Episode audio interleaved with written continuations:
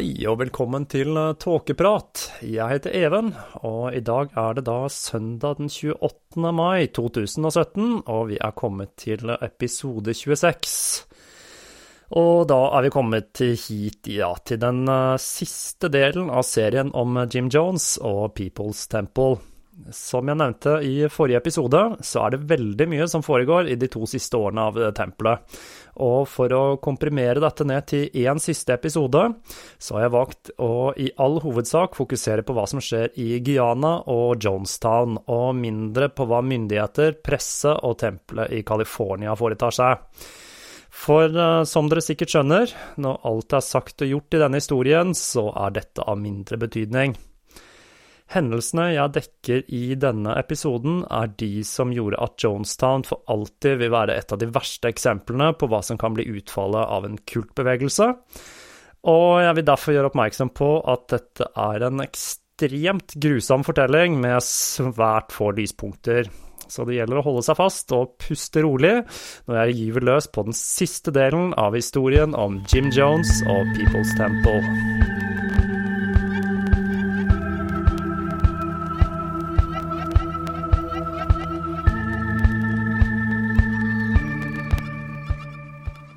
Med Tim Stowen utenfor tempelet, så måtte Jones nå se seg om etter en ny advokat for å kjempe tempelets sak og ta hans side i saken om John Victor.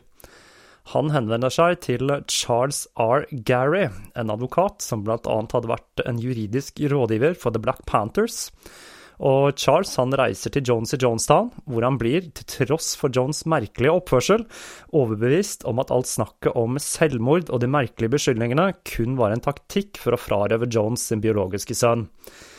Selv om han stusset litt over at denne passoren eh, da villig fortalte at han ga seg selv til menigheten, selv kroppen sin. Noen dager så måtte han ha sex med så mange som 16 kvinner.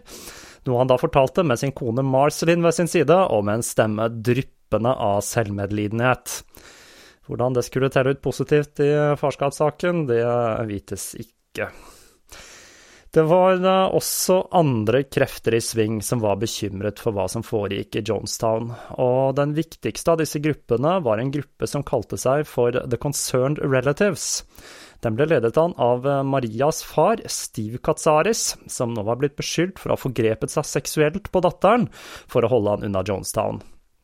Han hadde vært i kontakt med Maria flere ganger etter artikkelen i New West hadde blitt publisert, og han hadde selv reist til Guyana flere ganger for å forsøke å snakke med datteren. Han hadde da til og med lagt igjen en returbillett til henne i den amerikanske ambassaden om hun skulle bestemme seg for å returnere. Denne gruppen begynte å samle flere og flere medlemmer, som utvekslet informasjon de hadde fått fra familiemedlemmene i Jonestown. Og til tross for at alle brev fortalte om eh, en fantastisk tilværelse i et jungelparadis, så var det flere ting som skurret. For eksempel så var det flere unge jenter som kunne fortelle at eh, de hadde det så fantastisk, og de hadde giftet seg med doktor Larry Schacht. Og det var nettopp det som var problemet. Flere fortalte den samme historien, som da åpenbart var blitt fabrikkert for å roe ned bekymrede familiemedlemmer. Denne gruppen skulle bli en viktig pådriver for å gjøre myndighetene oppmerksomme på at ikke alt var som det skulle i Jonestown. I desember 1977 så hadde livet i Jonestown gått inn i en ny fase. Istedenfor åtte til ti mennesker i hver hytte, så bodde det nå 14. Den planlagte fritiden var nå byttet ut med katarsis og lange, usammenhengende prekener med Jones.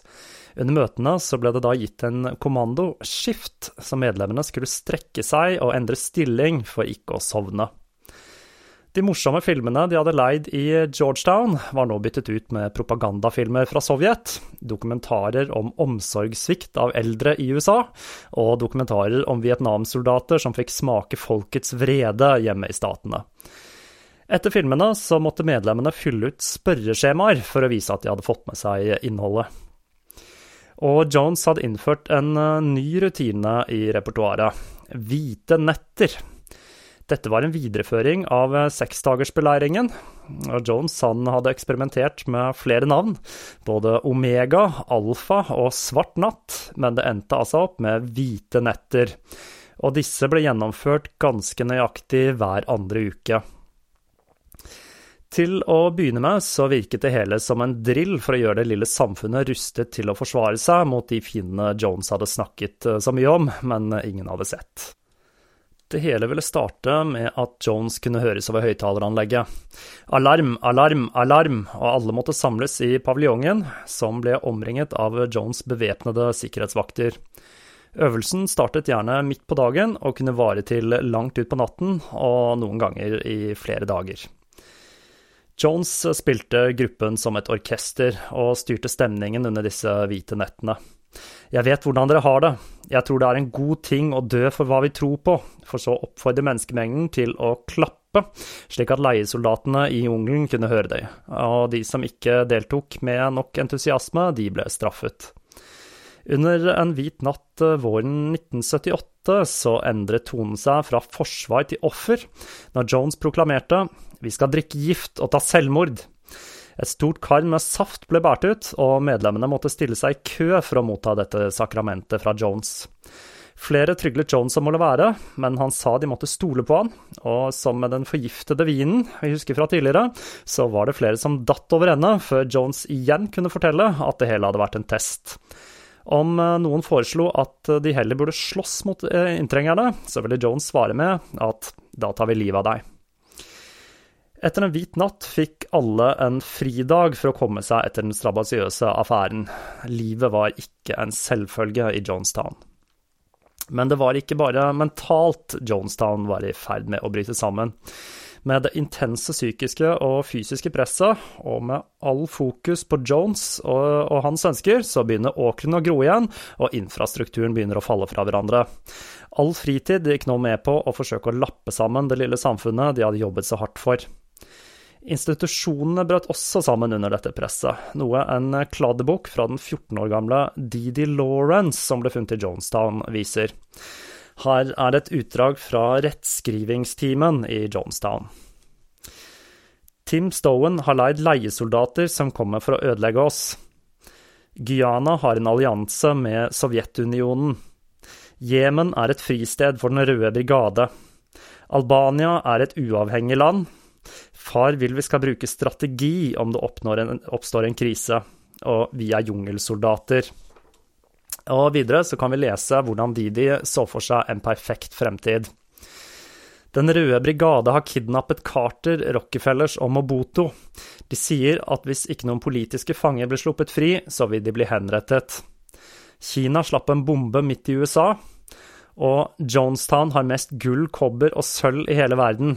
Alle drar dit for å få penger.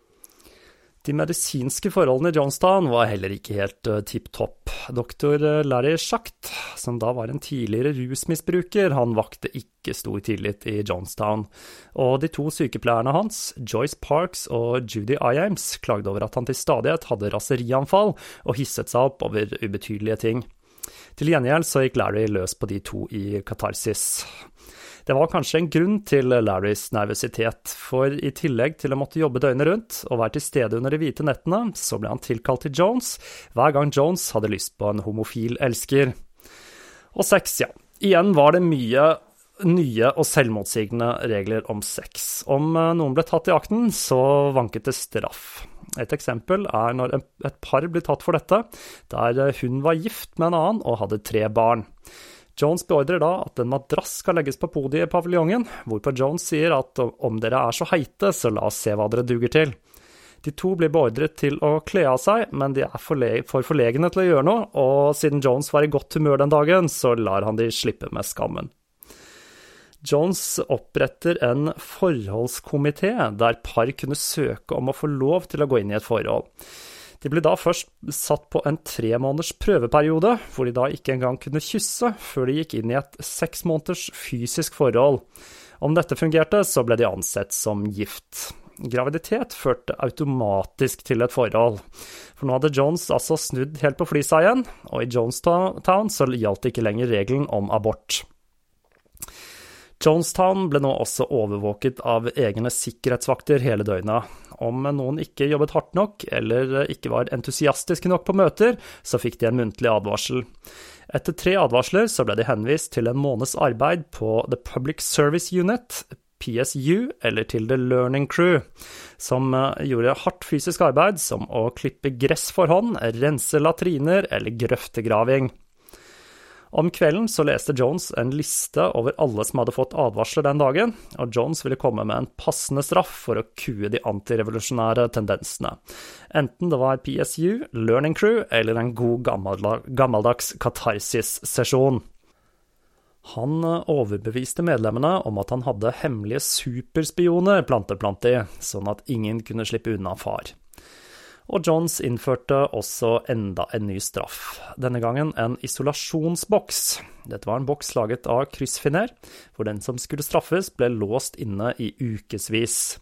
Boksen var så liten at vedkommende ikke kunne stå oppreist, og offeret ble gjerne dopet ned før han eller hun ble puttet inn i boksen.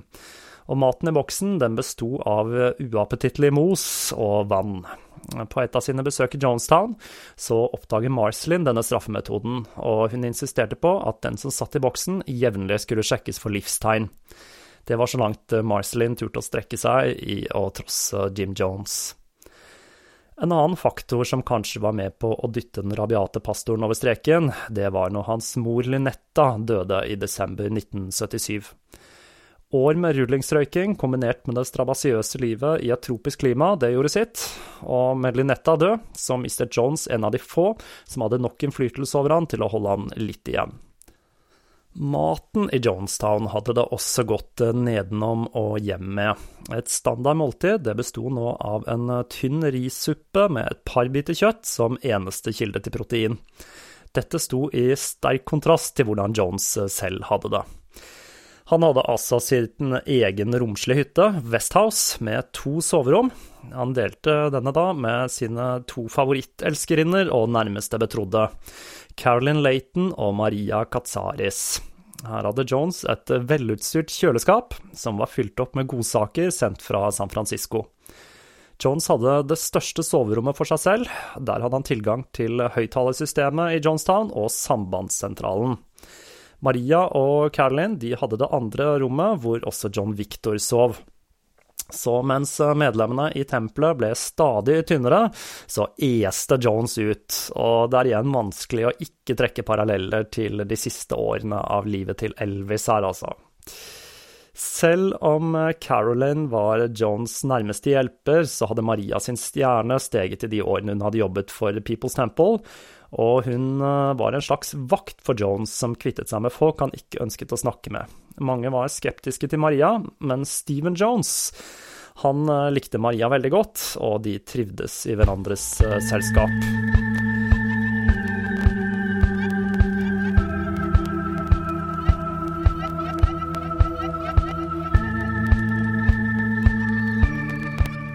Soverommet til Jones var godt utstyrt på flere måter. Han hadde et stort utvalg av sprøyter, desinfiseringsmiddel, flytende valium, morfin og et helt utvalg av opp- og ned-preparater. I tillegg til da hårfarge, for å holde den gråne hårmanken sin ravnsvart, og en oksygenmaske han kunne bruke når han fikk anfall. Han tilbrakte ofte dagene i en dyp narkotisk tåke i huset sitt, uten å gå ut. Han kunne skvaldre i timevis over høyttaleranlegget, ofte i usammenhengende tirader, hvor han fortalte om sine paranoide dommedagsprofetier, mens innbyggerne slet i den dirrende heten i åkrene. Noen ganger så var det så ille at høyttaleranlegget ble koblet ut av medlemmene som syntes den ustanselige bablingen til Jones var uutholdelig. En av de få personene som turte å ytre meningene sine til Jones, det var Marceline. Hun hadde et eh, enkelt, lite grønt hus i Jonestown, men hun var ofte ute og reiste for å ta hånd om tempelets affærer, blant annet for å håndtere omsorgssaken med Tim Stowen, eller for å holde møter i San Francisco-tempelet. Men eh, med Marcelins eh, tilstedeværelse i Jonestown, så var det en siste rest av medmenneskelighet i det lille jungelsamfunnet. Hun eh, tilbrakte mye tid med barna, og hun betrodde seg til Steven om at hun var bekymret for utviklingen i Jonestown. Dette begynte nemlig å gå utover helsen hennes. Men i brevene hun skrev til foreldrene sine, så beskrev hun et lykkelig liv i Guyana, og på mange måter så legitimerte Marcelins støtte og rolle som morsfigur tempelet og livet i Jonestown. Den eneste hun delte sine innerste tanker med, var sin biologiske sønn. I den første halvdelen av 1978 så var det flere tilsyn i Jonestown fra den amerikanske ambassaden, men disse avdekket da ikke uverdige forhold. Men eh, de var da selvsagt ikke klar over at alle innbyggerne ble drillet i forkant av et slikt besøk. Et lyspunkt var det allikevel. Stephen Jones og en liten gruppe unge menn i Jonestown hadde begynt å spille basketball, noe de hadde funnet ut at lot seg gjøre på tregulvet i en av de uferdige bygningene. Dette var noe Jones eh, først rynket på nesen av, men da det gikk opp for han at dette kunne brukes som propaganda, bifalt han ikke bare denne aktiviteten, men han ga medlemmene av basketlaget en ekstra halvtime fri for å øve. Dette ga også Jones muligheten til å dra fram den gamle skrønen om at han hadde vært en av de beste basketballspillerne i Indiana. Og ikke bare var dette en fantastisk mulighet til å slippe unna det harde livet i Johnstown, dette skulle senere vise seg å redde livet til guttene. En siste avhopper skulle øke unntakstilstanden i Jonestown til nye høyder. Deborah Layton var et svært høytaktet medlem av Jones stab, og hun hadde sammen med Maria organisert flyttingen av tempelets kapital for å sikre at myndighetene ikke skulle kunne fryse kontoene. Hun hadde også to familiemedlemmer i Jonestown. Hennes mor Lisa Laton, som hadde blitt med i People's Temple da hun hadde sett hvordan tempelet hadde endret Deborah fra å være en opprørsk tenåring med atferdsproblemer til en uselvisk ung dame som brant for å gjøre noe med verdens urettferdighet. Og også hennes mann Phil Blakey, som da jobbet på Cujo, denne båten altså, og med maskinene i Jonestown. Den 12. mai så klarer Deborah å rømme til Statene, hvor hun tar kontakt med Concerned Relatives og San Francisco Examiner. Lisa Layton skulle dø av kreft i Jonestown like etter at datteren kom tilbake til Statene. I USA så var Jonestown fremdeles en stor gåte. I over et år så hadde 1000 amerikanere levd i den søramerikanske jungelen, og om ryktene var sanne, så var livene deres i fare. En som hadde fattet interesse for denne saken, var en kongressmann, Leo Ryan, som hadde blitt interessert i Jones og tempelet pga. det mystiske dødsfallet til Bob Houston, og han hadde tatt kontakt med familien og fått deres versjon av historien. Han ble enda mer interessert da han kunne lese om den uløste farskapssaken, og han igangsatte planen om å sende en delegasjon som skulle inkludere han selv, til Jonestown. Han begynner arbeidet med å få til en avtale med Jones om en inspeksjon, og en mulighet for at noen slektninger kunne være med for å se at deres kjære hadde det bra i Jonestown. Denne delegasjonen skulle etter hvert bestå av, i tillegg til Ryan selv, medlemmer av Concerned Relatives, deriblant Steve Katsaris og Marias bror Anthony, i tillegg til en rekke journalister, blant annet Tim Reitermann. Dette førte da selvsagt til et enda høyere nivå av panikk i Jonestown. Men til slutt så blir partene enige om at delegasjonen skulle få besøke dette lille samfunnet i jungelen. Mens eh, dette pågår, så sender Jones motvillig basketballaget til å spille en vennskapskamp mot landslaget til Guyana i Georgetown. I tillegg til Steve, så var også Tim og Grace med når denne delegasjonen dro til Guyana. De var da selvsagt ikke med til Jonestown, da de var erklærte fiender av tempelet, men de tilbrakte tiden i Georgetown på hotell Pegasus. Steve han sender et krusifiks med sønnen sin Anthony for å gi dette til Maria. Dette krusifikset var arvegods som Steve hadde lovet at Maria skulle få arve når han døde, og han håpet at dette ville mykne opp hjertet hennes. Resten av følget drar til Jonestown, hvor de blir gitt en omvisning i det lille samfunnet, hvor innbyggerne hadde gjort sitt ytterste for å rydde og male for at alt skulle fremstå på en så god måte som mulig. Og delegasjonen de blir imponert over det de ser. Det eneste de stusser litt over, er at det var en bygning med lemmer for vinduene og låst dør. Og da de krever å få se hva som er i huset, så blir de fortalt at dette er eldre kvinner, og at de ikke ønsket å snakke med dem. Da de står på kravet om å få kikke inn, så får de lov, og de oppdager at jo da, dette er eldre kvinner, i et rom hvor hver eneste kvadratcentimeter var brukt for å få plass til flest mulig. Omviseren han trekker da litt på skuldrene og forklarer at de var litt flaue over dette, men det var vanskelig å få god plass til alle med så mange innbyggere, og at de tross alt trivdes til tross for den trange plassen, og at det var en midlertidig løsning, for det var allerede prosjektert 100 nye hytter.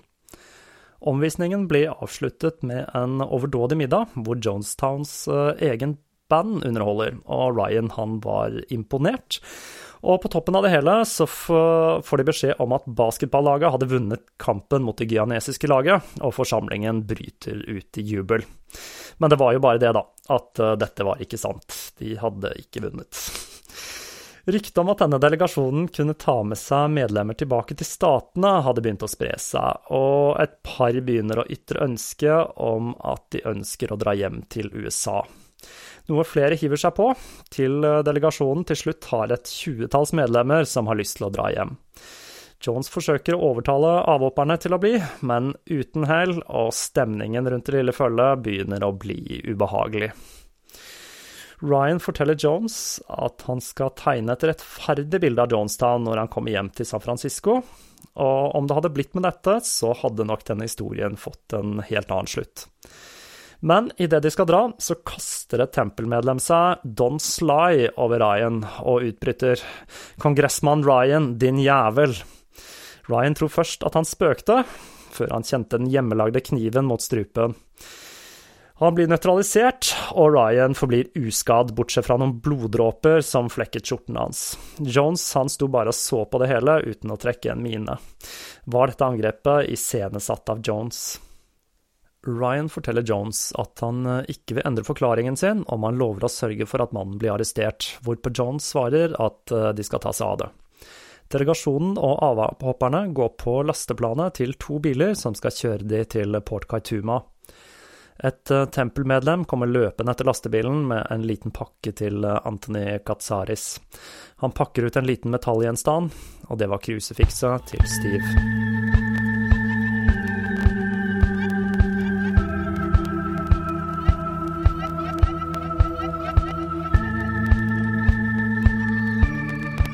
Når eh, Stephen Jones våknet lørdag morgen, var huset i Georgetown fredeligere enn det hadde vært på lenge. Følget til Ryan og tempelets advokater var alle i Jonestown, og alt han kunne gjøre, var å vente. Han uh, følte seg bedre enn han hadde gjort på lang tid. Leo Ryan fortalte at uh, mange i tempelet hadde sagt at People's Temple var det beste som hadde skjedd i livet deres, og han håpet at når basketballaget kom tilbake igjen til Jonestown, så kunne de kanskje finne en måte å nøytralisere Jones på, eller iallfall begrense makten hans. Sharon Amos satt bøyd over radioen i første etasje når de dårlige nyhetene kom. Richard Dwyer hadde tidligere bedt om å, henne om å ta kontakt med ambassaden for å få tak i enda et fly, da det var så mange avhoppere at det ikke var nok plass til alle i det ene flyet de allerede hadde. Amos visste hva dette betød. Hvem er de, hadde hun spurt, før hun alarmerte tempelets vakter i Georgetown. Steven og de andre ble tilkalt. Han vil vi skal hevne oss, han vil vi skal bruke kniver, fikk Steven beskjed om. Beskjeden var klar, Jones ville at de skulle begynne å drepe tempelets fiender, noe var i ferd med å skje i Jonestown, men hva? Vent litt, sa Steven, vi må diskutere dette. Han og resten av vennene var ikke lenger villige til å utføre så ekstreme ordre uten å vite hvorfor. Han skjønte at dette måtte ha noe med Ryan å gjøre, men var dette enda en test, enda en hvit natt? På en eller annen måte så følte Steven at uh, denne gangen var det alvor. Vi kan ikke bare sette i gang med dette, sier Steven. Hva skal vi bruke? Smørkniver? Vi må ha en plan. Tim Jones og Johnny Cobb stilte færre spørsmål. De dro rett til Hotell Pegasus, ikke for å drepe Tim og Grace, men for å finne ut om de visste mer. Med denne handlingen så brøt de med ordren fra Jim Jones. I mellomtiden så satt eh, Sandy Bradshaw, John Brown og Tom Adams i radiorommet i San Francisco. De hadde blitt lettet over at Ryan hadde omtalt Jonestown i så positive ordelag, og de håpet nå at de igjen kunne fokusere på det gode arbeidet tempelet utførte, og få lagt all den negative presseomtalen bak seg. Når eh, følget til Ryan eh, endelig kommer tilbake til Port Kaituma, så setter de seg til å vente på avgangen i et lite bølgeblikkskur, utslitte etter det strabasiøse besøket. De to flyene ankommer, først et eh, sekspassasjerers eh, Cessna og en større Otter. Det var fremdeles ikke nok plass til alle flyene, så det ble avgjort at de første som skulle få dra, var avhopperne. Mens journalistene diskuterer seg imellom om hvem som skal bli igjen og hvem som skal dra, så kommer to av tempelets kjøretøy med et dusin medlemmer inn på rullebanen. Det begynner å regne. Uhyggen brer seg mens passasjerer og bagasje blir lastet om bord i de to flyene. Enda en bil ankom, og denne gangen var det ikke tempelet, men en bil med Dick Dwyer fra ambassaden og flere bevæpnede gianesiske politi. Klokken var 17.00, og solen kikket fram igjen, og lyden av skudd kunne høres. Søk dekning, søk dekning! Kaos og panikk bredte seg mens de to flyene og følget på rullebanen ble pepret med skudd. Folk datt eh, livløse over ende før skuddene avtok, og lyden av jungel igjen la seg over den lille flystripen, kun avbrutt av lyden av de sårede og døende. Blant de døde var eh, Leo Ryan.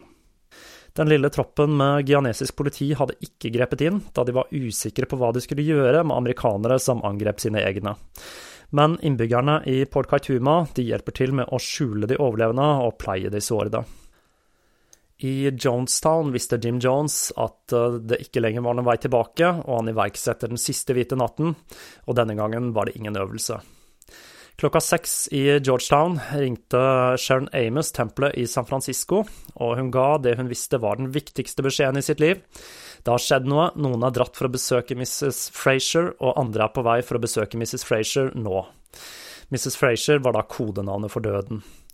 Gjør hva dere kan for tempelet, jeg går og leter etter George. George var da kodenavnet til Tim Stowen. Som dere sikkert husker, så var Sharon Amos den Jim Jones brukte for å splitte Tim og Grace Stowen. I San Francisco så var de ikke helt sikre på hvordan de skulle tolke denne meldingen. Var dette enda en øvelse? De hadde fått så mange underlige beskjeder fra Guyana den siste tiden at de valgte å se an og prøve å finne ut om dette igjen var et av Jones merkelige innfall. Steven drar til Hotell Pegasus og snakker med Steve eh, Katsaris, Grace og Tim Stowen, og han forteller at han er redd Jones vil ta livet av alle i Jonestown. I mellomtiden så kjører en politibil opp foran huset til tempelet i Georgetown, og Sharon Amos fikk panikk. Hun går inn på kjøkkenet og henter den største kniven hun kunne finne. Hun tar med seg sin eldste datter Lian og Chuck Beichman, et annet tempel med dem, før hun henter sine tre yngste barn, Krista, Stephanie og Martin, for å utføre sin egen hvite natt. Hun tar med seg Chuck og barna inn på badet, hvor hun holder over nese og munn på Krista, før hun skjærer over strupen på henne. Den lille jenta segner om i en dam av blod. Martin forsøker å flykte, men han blir holdt fast og får også strupen skåret over. Sharon beordrer deretter Chuck til å ta seg av Stephanie, men lammet av frykt så påfører han ikke mer enn et overfladisk kutt. Så ber hun Lian hjelpe til med å kutte sin egen strupe, men eh, hun er for svak. Hardere, skrek Sharon mens hun la vekten på hendene til Lian og hjalp til med å fullføre sitt eget selvmord. Mens hun segnet om på det blodstengte gulvet, mumlet hun takk, far. Stopp og tenk litt på det.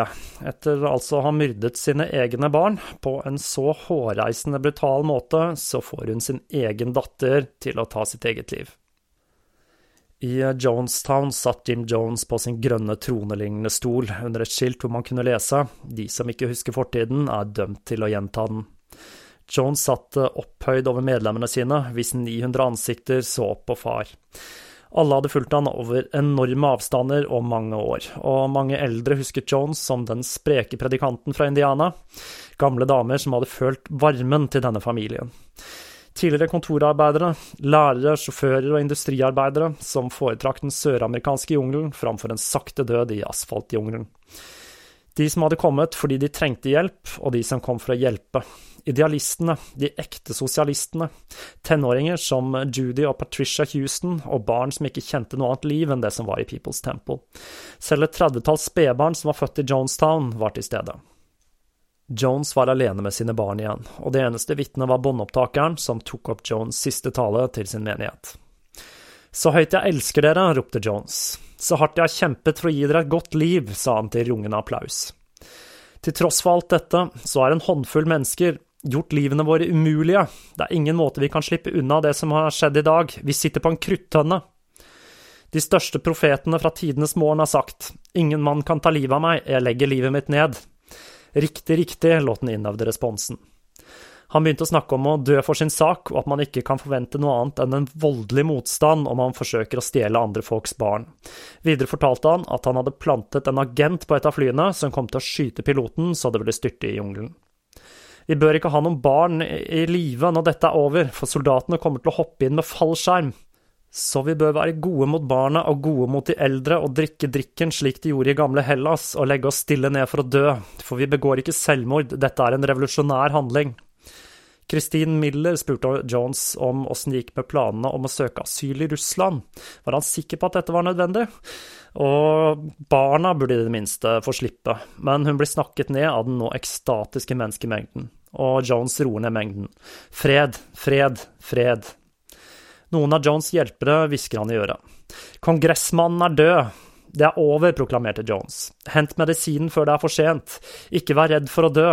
Han ledet de fram for å motta tempelets siste sakrament. Langs den ene siden på bygget, på et trebord, sto et fat med drikken, Flavorade med druesmak og kaliumcyanid. Det er her uttrykket 'don't drink the Kool-Aid', som jeg ikke la deg lure, kommer fra. Kool-Aid er da en type saft. Det de brukte i Jonestown, var billigutgaven av denne, Flavorade. Ved siden av giften så sto diverse beroligende medikamenter, og doktor Schacht han overså hele prosedyren med administreringen av blandingen, som ble delt ut av et dusin sykepleiere fra klinikken. Sprøyter ble fylt med miksturen, og i tillegg til papirkopper også små spruteflasker til de aller minste. Bevæpnede vakter sørget for at ingen kunne rømme. Barna var først ut. En sykepleier administrerte det hele og sa det er ingenting å være engstelig for, forhold dere rolige, de skriker ikke i smerte, det smaker bare litt bittert. Cyanid blokkerer da oksygenopptaket til kroppens celler og fører til en død i spasmer med oppkast, fråde og blod. Selv om døden er mer eller mindre garantert, og cyanid er blitt hyppig brukt til selvmord, bl.a. av høyere nazioffiserer under andre verdenskrig, så er de siste minuttene av livet langt fra en så fredelig affære som Jones lot sine tilhengere tro. Og av dette så begynner panikken å bre seg i paviljongen ved synet av barn og spedbarn som vrer seg i smerte, og enkelte blir holdt nede mens de blir injisert med den dødelige cocktailen. Flere forsøker å roe ned mengden. En kvinne tar mikrofonen og sier Det er ingenting å gråte for, vi burde alle feire, Jim Jones har lidd for oss, han er vår eneste gud.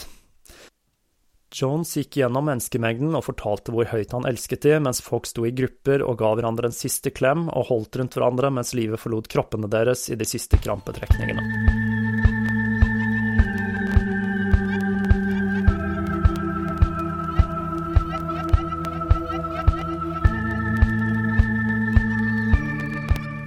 Tim Carter var i Westhouse med Annie Moore og to barn mens de ventet på ordre fra Maria om hva som skulle skje.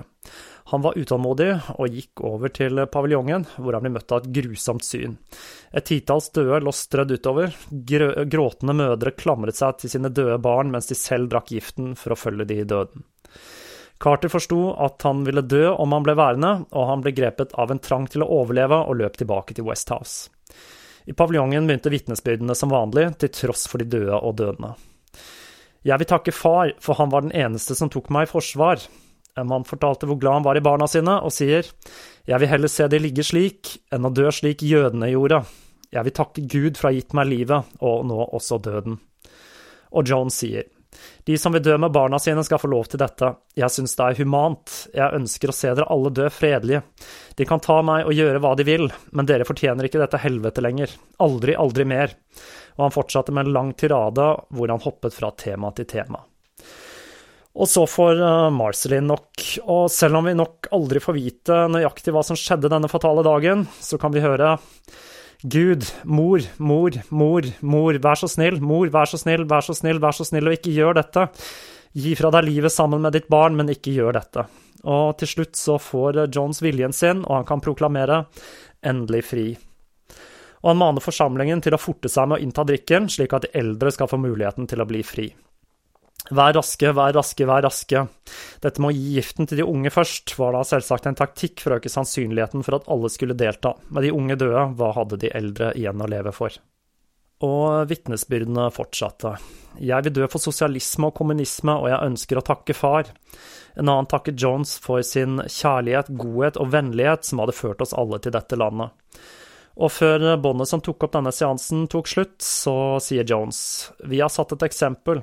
1000 mennesker som sier Vi liker ikke verden slik som den er. Ta våre liv. Vi begikk ikke selvmord, vi begikk et revolusjonært selvmord i protest mot forholdene i en umenneskelig verden og noen ytterst få klarte å overleve ved å rømme. Odell Rhodes ble bedt om å hente et stetoskop for å kontrollere at folk var døde, og på vei til feltsykehuset så stikker han av og rømmer ut i jungelen og til Port Kaituma. Like etter Tim Carter var tilbake i Westhouse, så kom Maria Katsaris med en koffert og to 38-kaliber revolvere. Hun var hysterisk. Kofferten var full av penger, gull og et brev.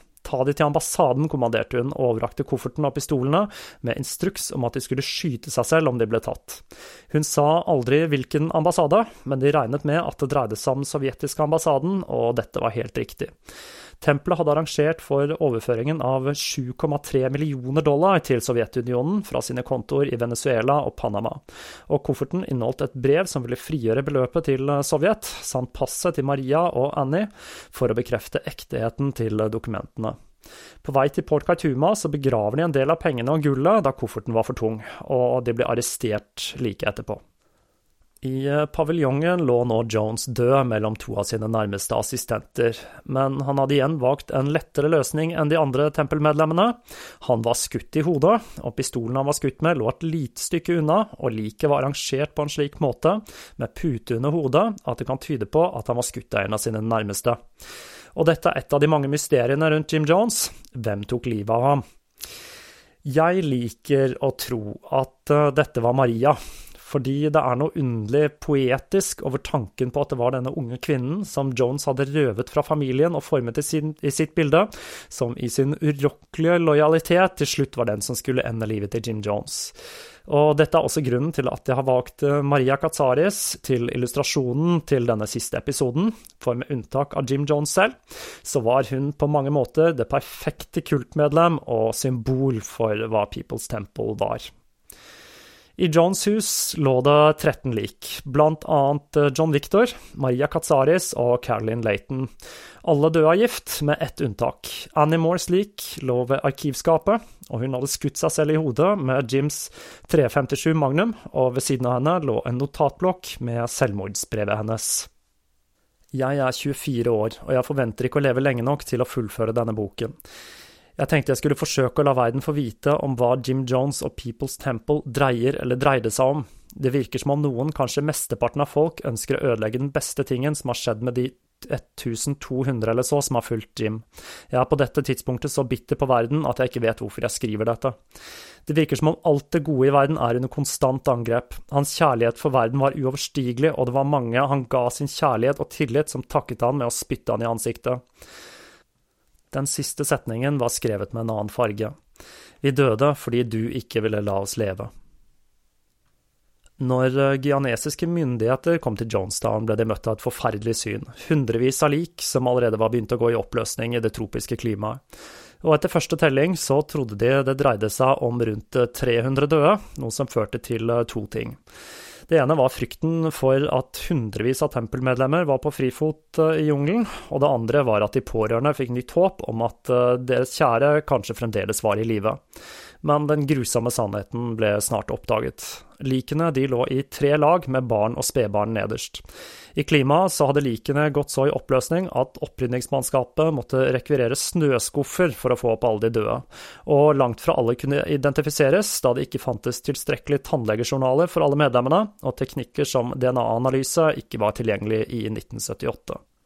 Det totale antallet som døde i Jonestown var 918, og det de gjorde vil aldri bli husket som en revolusjonær handling, men som et eksempel på hvordan en mann med store talegaver kan manipulere en stor gruppe mennesker til å ta sitt eget liv for en sak som virker helt absurd for utenforstående. Etter Jonestown ble de gjenlevende tempelmedlemmene i San Francisco uglesett og utstøtt, men noen av de klarte sakte, men sikkert å vende tilbake til sine vanlige liv. Noen giftet seg til og med med andre overlevende, og de fant trøst i hverandre. Flere er i live den dag i dag, og flere har skrevet bøker om livet i People's Temple. Og enkelte, som Archie Ayames, fortsatte å kjempe for raselikhet og sosial urettferdighet. Men det var noen som støttet Jones selv etter Jonestown. En av disse var Tempelets pressetalsmann, Michael Prokes, som noen måneder etter Jonestown inviterte til en pressekonferanse hjemme hos seg selv. Og med et fullt pressekorps til stede fortalte Prokes om sitt syn på tempelet, priset arbeidet til Jim Jones og forklarte hvorfor de hadde begått selvmord, før han, med pressen til stede, gikk inn på badet og skøyt seg selv.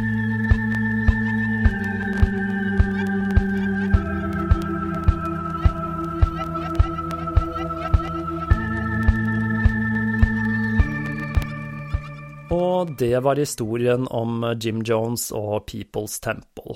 Og for en historie det har vært. Og da er spørsmålet, har jeg funnet svaret på hvorfor de gjorde det, altså? Vel, som så mye annet her i livet, så er det ikke noe enkelt svar på dette spørsmålet. Selv om kjernen selvsagt var eh, Jim Jones selv og hans evne til å trollbinde folk.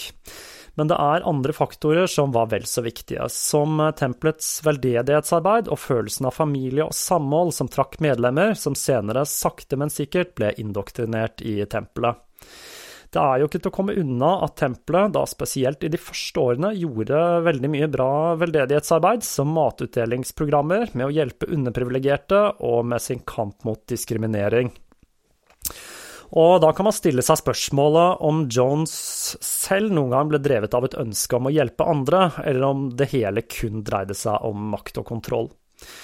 Som jeg vel har nevnt, så er det en del mysterier i denne fortellingen. I tillegg til hvem som skjøt Jim Jones, så forsvant en del penger med People's Temple. Jim Jones skulle ha hatt en bibel med koder som henviste til hemmelige bankkontoer med kapital Jones hadde stuet vekk, og det skulle også ha blitt gjemt gull i den guyanesiske jungelen som aldri er blitt funnet. Og som med alle andre saker av denne typen, så florerer det en rekke ikke fullt så troverdige konspirasjonsteorier rundt hva som skjedde i Jonestown. Historien om Jonestown fikk eh, også en rekke andre konsekvenser. Nå var offentligheten plutselig obs på hva som kunne bli utfallet av denne typen kultbevegelser, noe som igjen skulle få tragiske konsekvenser i 1993 i Waco, da David Koresh sin kult, uh, Branch Davidians, med sine 75 medlemmer, um, som da var en sekt som var brutt ut av syvendedagsadventistkirken, ble brent levende under en beleiring av amerikanske myndigheter i noe som var en overreaksjon nettopp pga. frykten for et scenario som Jonestown.